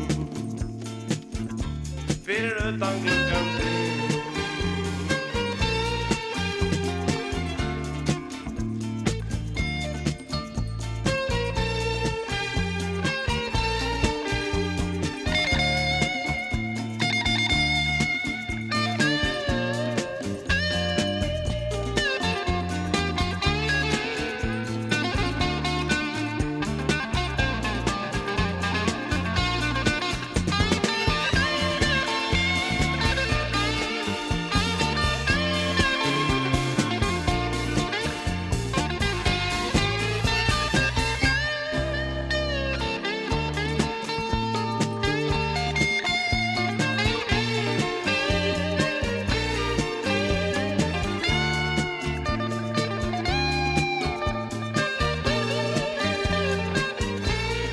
Eitt gengi heim á leið Bílarnir æða hjá og skvetta Vatn og sletta Ég rýt á göduna í regnum Sé ég konu detta Og sigretta Dagur grá Í grösen líður Gæjum með að skóla fríður Í glæstum pappa bíl í fyrsta sín Fyrir utan gluggan þinn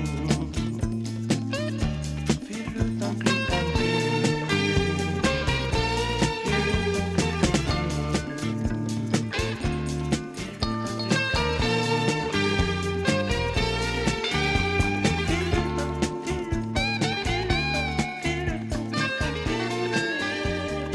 Fyrir utan gluggan þinn, þetta er, þetta er mannakopp og þetta er lag nummer, nummer 2 á bjöliðinni á plötunni í gegnum tíðina sem að við erum að hlusta á, ég og, og Maggi Eiríks og Pálmi Gunnarsson úr mannakottnum. Hérna, eh, förum beint í, í næsta lag, hérna, ef þú ert með hjá. Það, það er líka svona, svona ástarjátning einhver.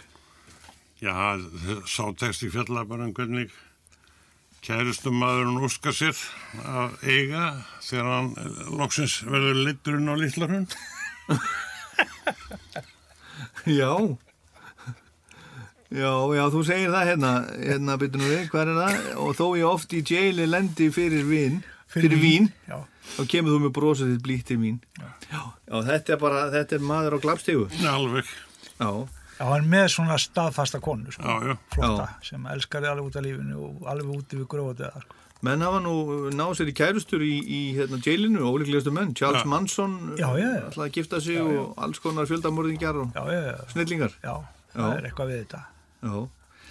En Maggi, það er hérna, það er einhvern veginn, uh, með textana þína, eða marga, þeir eru, þeir eru einhvern veginn þannig að sko, að maður þarf ekki að heyra á nema, nema einu sinni, þá bara skilum maður það alveg út og inn. Þú veist ekkert að, þú veist ekkert að, að fela það sem þú ert að, ert að segja. Nei, það, þetta er, það hefur ekki upp á sig. Nei. Koma, koma þér auðveldlega? Stundum og stundum ekki, sko. Já.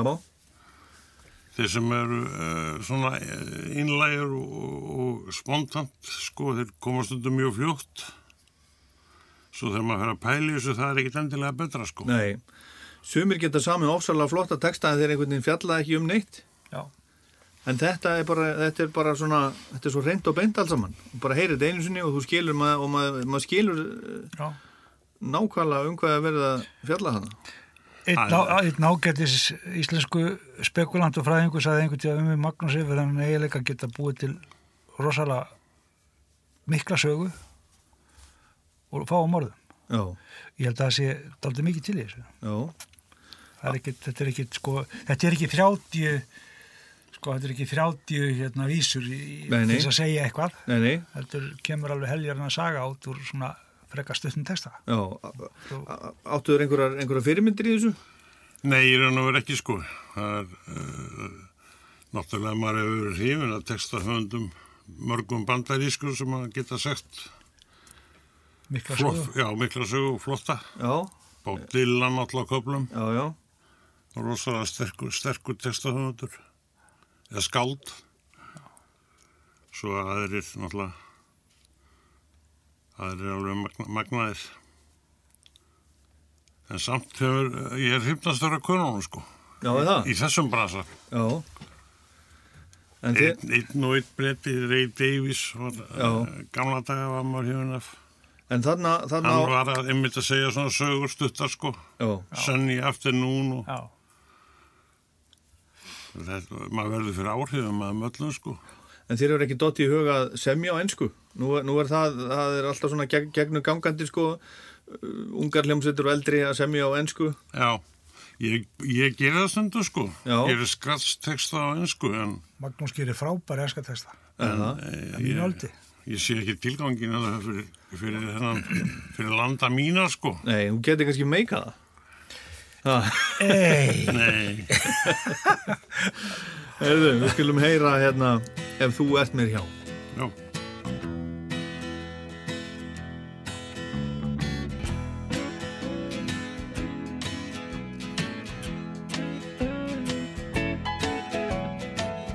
Vetur kemur og vetur fer En alltaf vorar í sálin á mér Ef aðeins þú ert mér hjá Þú ert mér hjá Þú ert mér hjá Alltaf ertu svo blíð og góð Kjúti pæjan mín tríti lóð Ef aðeins þú ert mér hjá Þú ert mér hjá Þú ert mér hjá Og þó ég oft í deilu lendi fyrir vín Þá kemur þú með brosið þitt blítt til mín Og það er sama hvert um heiminn ég kvolvist og fer Mitt hjarta verður eftir hjá þér Syngjum glöðar í du-da-da Dátt af gleði ég syng og hlæ Ef aðeins þú ert mér hjá Þú ert mér hjá Þú ert mér hjá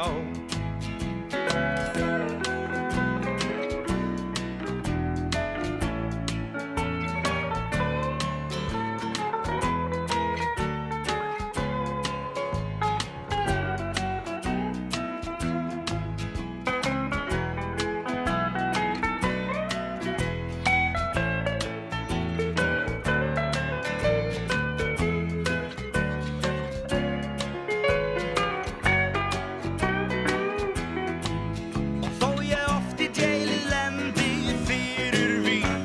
um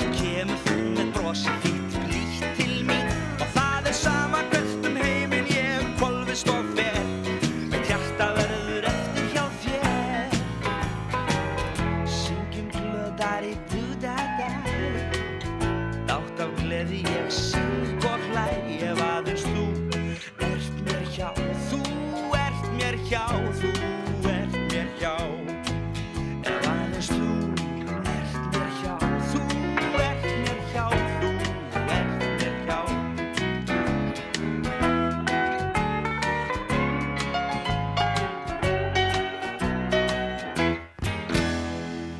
Ef þú ert með hjá mannakott enn eitt lagið að þessari frábæri, frábæri plötu enn einn perlan að þessari plötu í gegnum tíðinu sem kom út 1977 uh, strákar, hlustiði hlustiði eitthvað á músík í dag?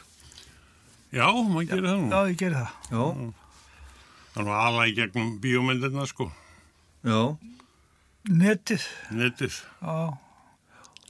Er, er það hlusta þá á eitthvað er, þú veist, er það um, er það Gaman- þegar upp eitthvað nýtt eða er það að finna eitthvað gamalt? Við erum að- Ég er ekki að hlusta á íslensk rap, sko. Nei, þú ert ekki í því? Nei, ég er ekki í því. Nei, þú ert ekki hrifin á því? Nei, ég er bara ekki að hlusta á það, skilur. Þannig að maður... Alltaf þurfi ekki að gera það akkurat til þess að, að sko bara ná því eins og allar aðra tónlistastefni þú ert að fara og hlusta og pæla og skoða. Já, já, Ég er aðlætt á tónlist, ég hlusta allan anskota já, og ég hef gaman að því að nota netið, ég, ég, það er mikið á live stöffi á netinu sem að mér finnst vera alveg einstaklega áhugavert að horfa á. Miklu frekar heldur en setjast niður með disk skilur já. og ég er svona, ég hef verið dansið duglegu við það. Not, Notiði Spotify? Já, já. Já, já, það gerum við. Já, og svona, ég menna, setiði, setiði plöt á fóninni eða svolítið, hlustið á heilar plötur svona þegar Já, ætlaði ég, ég, á það, ég á það til sko Já. bara um, keira til dæmis eða Já. fyrst, að ferðast og svona þá er fínt að ná sér í einhvern og, og hlusta á hann í gegn sko. Ég þú maður ekki? Ég, það nýjasta sem ég var að gera var að horfa á þátt með Karol King Já. um æfi hennar og, og störf. Já. Það er náttúrulega einn frábærlega höndur Jú, jú. í viðbútt. Merkileg. Ót- Johnny ótrúleg. Mitchell líka og svona kellinga sko. Já. Svo mynd var mjög flott sko Já. og þetta er nú manneskja sem er á aldu um mig, hún Já. Karol King. En hún byrjaði mjög snemma sko, hún byrjaði bara 15-16 ára gömul. Jú, jú, ég var einmitt að lesa æfisögununar. Já. Merkileg kona. Já, mjög merkileg. Já. Þetta er, mér finnst þetta skemmtilegt sko í gegnum netið að pæla í svona hlutum. Mm Herðu, við erum komin að næst síðasta læginu á, á plötunni. Þar eru þið, þar eru þið, hérna, já, pólitískir. Íslandsvinir og náttúruvendarsinnar. Mm. Já, við meinum enn þann dag í dag hvert einast orð. Göngum yfir brúna. Þetta á alveg jafn mikið erindi í dag eins og, eins og þá. og ef einhvern tíma bara miklu byrja Já, en hvað, sko. en hvað hérna, hvað, hvað kveikti þetta? Álverið í Sunnsvík. Helvítis álverið. Já. Þið hefur ekki verið styrtir af álverinu. Nei. aldrei, Aldrei. myndum aldrei vera styrtir af neinum svona þess bökkum Nei. veit ég. En, en ég minna, nú hefur náttúrulega álverið, það hefur uh, náttúrulega skapað atvinnu fyrir fjölda fólks þarna á svæðinu á- í ára tíi. Já, já, en það hefði bara trúlega verið bara, þessi atvinna hefði bara komið bara frá einhver öðru og heilnemara ef að þetta hefði ekki verið til staðar. Haldið þið það? Já, ég hef engar ágjur af, ég hef aldrei haft neina ágjur af svoleiði, sko. Nei. Sko við, sko, Það er svo margt sem er aðtöðavert við stefnuna í umhverfismálum í dag hjá okkur Íslendingum. já, Að það hálfa væri nú. Já. Já. Það er á hverjum einasta degi sem að heyrir um einhver brjálæðisleg virkunar áform. Já. Í einhverju náttúru paradísum, Já. sko, sem við ættum að varðveita. Já. Eh, Það bóstar á hverjum degi. Á hverjum sem degi. Eitthvað, eitthvað dýnur í hausuna manni. og svo horfum við á, sko, á það, á sama tíma, sko, þá eru, semst, er eitt stæðsta orkufyrirtæki í landsins og er komið í ei- eigu, sko, einhverja, einhverja peningakalla í Kanada, sko. og þetta er bara sko, það er ekkert sem stýrir þessu þeir eru að reyna allmest fyrir vestan að tala um það að, að það, það lægi raf orku stöðu vestfyrringa að setja nefur virkjun sem að eh, sko, aðtamnasvæði virkjunum er jafn stort og reykjavíkusvæði inn í eiginlega þjóðgarðinum drangavíkus þjóðgarði þetta er ekki til þess að bjarga vestfyrringu við mun aldrei gera það þetta er bara gamla peningalestin sem verða nákvæmlega eins og gerist í Strömsvík, nákvæmlega eins og gerist fyrir norðan, viðbjóðurinn á Húsavík, bakka og geði ég meina h- hvernig, hvernig dettur okkur í hug að fara svona með landið okkar ég skil það bara ekki Já, ég held að við erum að stoppa núna, við getum haldið ára með allan dag, dag, og dag á en, þessum en nótum. hvernig Nei, en það er bara- Þetta er alveg rétt. já, Já, já, en þetta eru sko, þetta eru, þetta eru meiri 40 ár síðan þetta var, já, síðan þe- þetta kom út. Já. Hvaða viðbröð fenguðu við þessu þá? Eða fenguðu einhver viðbröð við læginu á þeim tíma? Sagt er að sumir vilji vesmiður út við sér hvert tang og fjörð. Tangófjörð.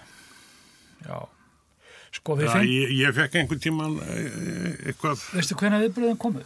Þau komu miklu setna. Já. þau komu reyninni þegar við fórum að spila þetta eftir að káranhjúka virkjun og, og það er allar, sko, all- allur, allur sá bolti fór að rúlla, sko, þá fór maður að fá hundsveisa, sko, yfir þegar við vorum að flytja þetta lag.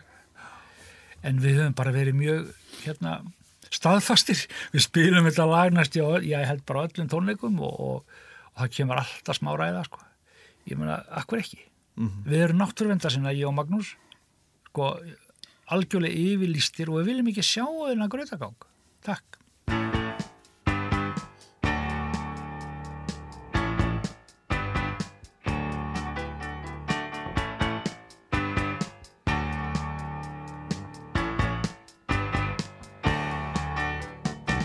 Sagt er að sumir vilji verksmiðjur út við sér hver táng og fjörð. Sagt er að aðrir vilji stóriðjur út um sína fóstur jörð. Förum yfir brúna, milli lífs og dauða. Þín á báðar hendur, Gjáinn dauðan djúpa Landið okkar sem var laust við skítverður, leggja gull í hönd. Græðgi gerumst við svo eins, snýtað okkur, gleypa önnur lönd. Göngum yfir brúna, milli lífs og dauða. Kín á báðar hendur, jáinn dauðan djúpa.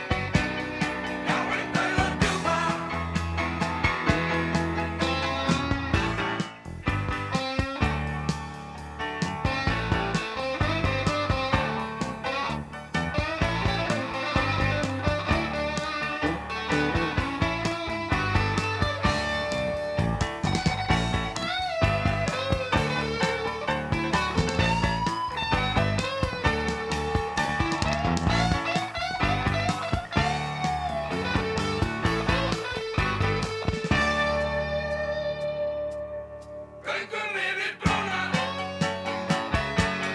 Milli lífs og dauða Kín á báðar hendur Já, en dauða djúpa Öllu sem við gerum rátt og rétt fyrir þetta Lærum aldrei neitt Eftir dauðan hef ég nýskjöld fréttaður um Engin geti Göngum yfir brúna, göngum yfir brúna Milli lífs og dauða, milli lífs og dauða Þínar báðar hendur, þínar báðar hendur Já, en dauða djúpa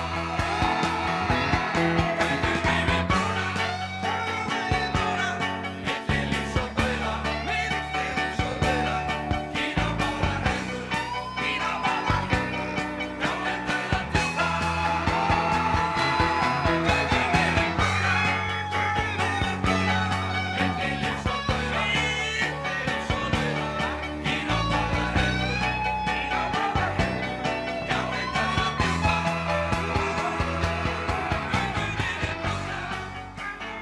Þetta er göngum yfir, yfir, yfir brúna, eh, bara svona ungir menn með, með, með hnefan á lofti, náttúru vendarsinnar og, og, og, og Íslands, Íslandsvinir, Íslandi allt. Hérna, eh, nú eru ímsir af ykkar kynslu og tónlistamanna að fara í svona kveðjutúra. Elton John er að, er að kveðja, hann er í svona einhverjum farveltúr og, og Paul Simon og fleiri, eru þið eitthvað fannir að hugsa um, um eitthvað slíkt að, að svona segja, já, nú ætlum við ekki að spila meir? Er það nokkuð? Hættum við nokkuð fyrir við hættum bara, endalega. Mér, eh, ég, Já, mér ég- dettur ekki í hug að vera með einhverja yfirlýsingar. Nei, Nei. nákvæmlega. bara, Sama hér. já, Neil Young segir það líka hann segir, hann segir þessi kveðjutúrar þetta er bara bull Ég kæftaði. já, ég bara spila þá til ég get ekki spila mér Það var eins og einhver, einhver tónleikahaldari sagði við mig einhver tíman, sko getum við ekki auglýst þarna, það er ekki loka tónleikar. Já. Og ég sagði að hverju, já það er bara svo gott fyrir sellið. já, Og þá sagði, ég, nei, það er ekki svoleiðis. þetta er aldrei að gera svolítið Ekki frekar en að ég, þú veist, ég- sjálfur per, persónulega bríða, þessi, þessir ammælist tónleikar allir maður, þetta er algjörlega b- gengið sér til húðar maður. Þú mátt ekki vera 60 eða 70 eða sem að sé verið að en þið gerðu það nú, það nú báðir Já, sko, ég gerði það, sko, ég, ég, í kvikindjaskapinu þá hafði ég það ekki því ég var 60 61 Já. já, og ég, sko, ég bara, ég, að ég veit ekki, mér finnst allt í lagi finnst þér það? já, já, Já, en það er líka alltaf að þér finnst það. já, já, já. Mér finnst það ekki, sko. Þér finnst það ekki Mér finnst það ástæðilust, sko. En er ekki ástæð til að fagna, eh, á maður ekki að fagna sem oftast bara og Ég þegar sko- maður verður 60 og 70 Já, og ef, allavega? ef, jú, jú, halda partí. Já. Jú, en þá ætti, sko, ég segi bara, maður á að gera það bara hverjum degi. Já, Ha, helst, já, einu svona ári. já. Herðu, Og við en, gerum þetta einu svona ári reynda, sko. Við erum búin að vera du- helviti duglegir að spila, sko. já, og síðustu hvað 6-7 árin er þetta bara búið að vera nokkur neginn árvis viðbyrður að við erum að, að skrattast eitthvað sko. já, svona, svona stórt. Já, Já, og líka í, smek, svona, í smekkari mynd líka sko. já, já, Við höfum farið alveg nýri að spila tveir, sko. já, já, já. og fjöramannaband daldi algeng sko. þá erum við að fara eh, hingað og þangað og Það er mitt til í. uppáhald en þann dag í dag. Fjóra manna band. það var Já. gaman, sko, það var gaman sko. já. En, en er þetta eh, sem, sem mjög gaman ekki? Já, alltaf eitthvað, sko. Já. Eitthvað gott? En, en ég hef enga dref, maður verður svo pólitískur og krítiskur með árónu, sko. Já. Er það ekki bara allt í lagi? Er það ekki Jú, það jú. eins og maður á að vera? æðislegt Já. En einhvern tíma var ég að ræða þetta við Óla Gauk, sko. Og, hérna, eh, að, eh, að maður verður orðinn svo krítiskur, sko, gaggrín á það sem maður gerir sjálfur. Og hann sagði að það verði leiðilegt, þetta verði bara aldurinn, sko. Oh. Verður alltaf, vilt alltaf gera betur, sko. En það er ekki endilega hægt. Nei. Það eru mjög margir listamenn sem eiga sína bestu spretti svona í kringum þrítut, Já. þrítut til fertu sko. En svo, er Svo, líka, svo lifa það bara góðu lífi á því að spila þetta góða tímambil sitt alveg það sem er eftir að hún lifa. sko. Já, já. Já, já. en svo eru náttúrulega líka margir sem að eiga bara rosalega góða sprett alveg þangað til að bara kistur og kikjum fljúandi í hausina Já, já. já. og það er líka mjög fínt fyrst mér sko. Já, já. Þið gáðuð plötu síðast, var ekki 2014? Jú. Er, er, er plata jafnvel á, á leiðinni? Þetta er blödukonsertur orðið svo örglað. Já, reyndar. okkur langar til að taka mér upp, já, Já, við tökum, við tökum eitthvað meiru. það er nokkuð ljóst En þetta gamla útgáfuform sem að, að gefa út disk eða gefa út svona vínil sko, þetta er orðið svo mikið fyrirtæki. og vantar útgáfurnar til þess að uh, vilja fjármagna það sko. Já, já. En nú er það náttúrulega Það hjá... kostar 2-3 miljónir að að gera svona disk, sko, almennlega. það er, Menn geta gett þetta heima hjá sig fyrir skýtu ekki neitt, sko.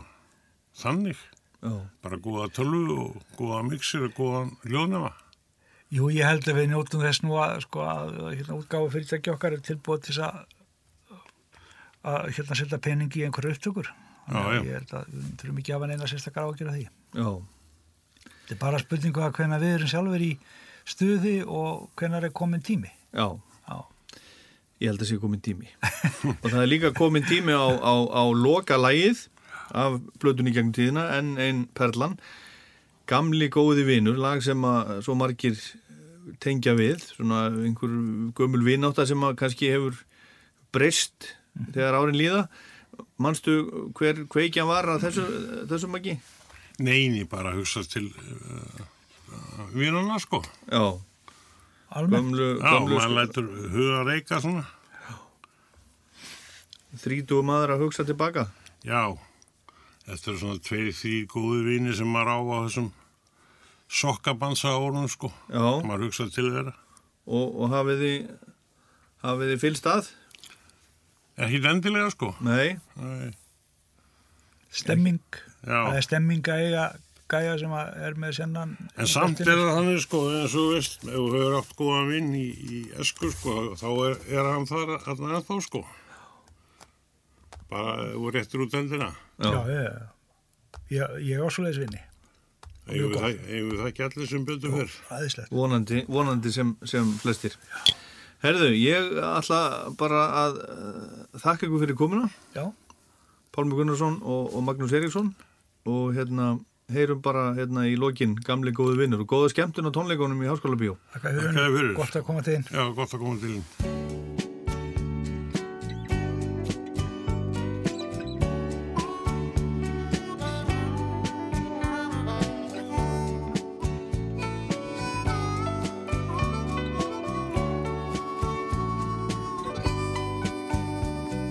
Gamli, góði vinur Gladir gengum við oft forðum En við gátum líka skipst á grát Og grindar orðum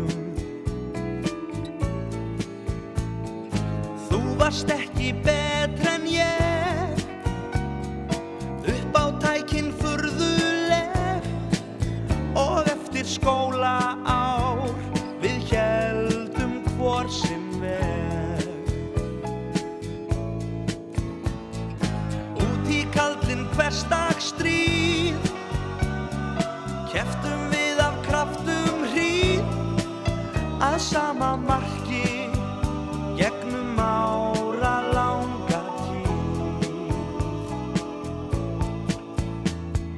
Gamli góði vinur Nú er gróið yfir sporin Með sjanna bróður sem við gengum oft á vorin Ég slæ ei lengur á þitt bak Við látum duga handartak Við þykjumst vera orðnir menn og engum háðir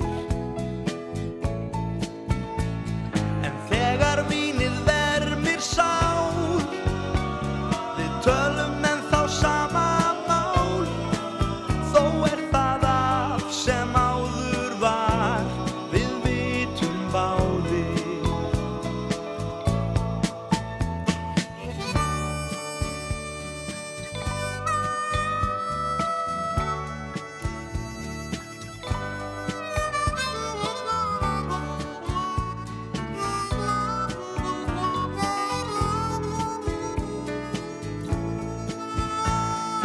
Þegar vínið vermir sál Við tölum en þá sama mál Þó er það af sem áður var Við vitum báðir Gamli, góði vinur Engin greinir lengur brosið Er það von í dagsins gráma orðið frosið Þú varst ekki betr en ég Upp á tækin furðuleg Og eftir skóla ár Við heldum hvor sem veg Gamli góði vinur gamli góði vinur gamli góði vinur gamli góði vinur gamli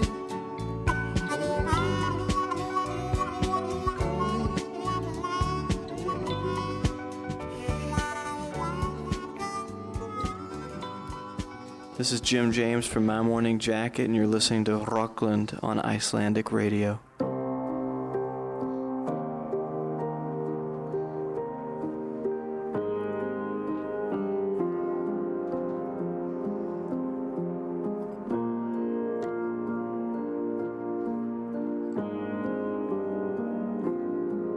Óveður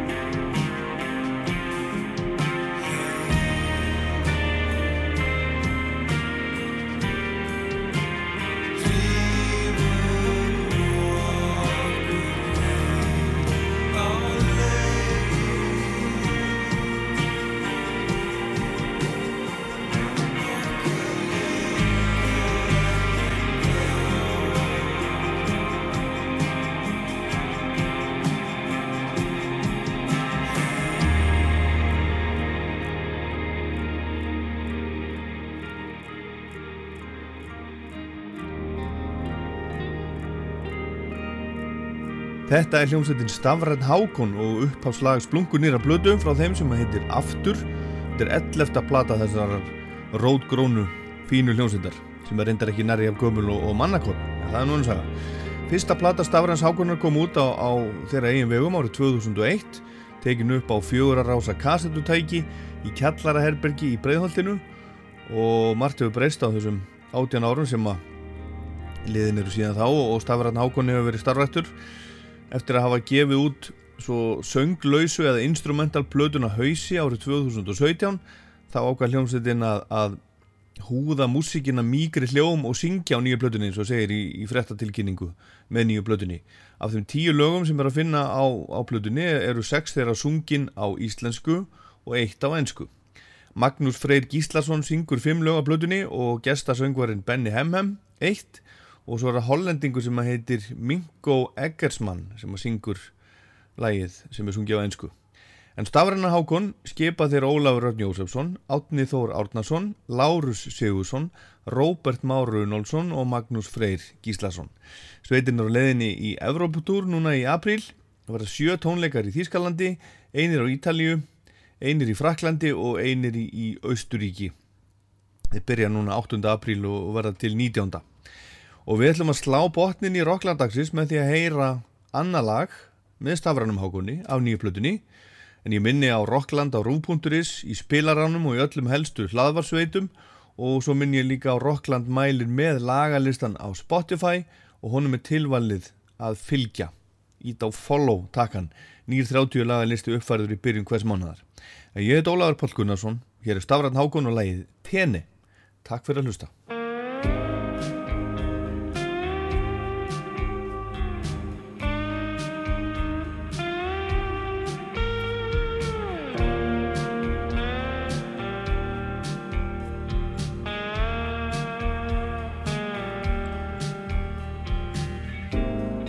Dreymi mig um stað Engar væntingar Ó nei Ég verð að leggja af stað Hvað munar mig um það Ég undi skrifa blað Ég skil málum um bað En nei Ég á ótt á það Varðar mig um það Vandar yfir blað Staðsetning og dag Ó nei Og sveitna skaffa það Hann er að tann í spað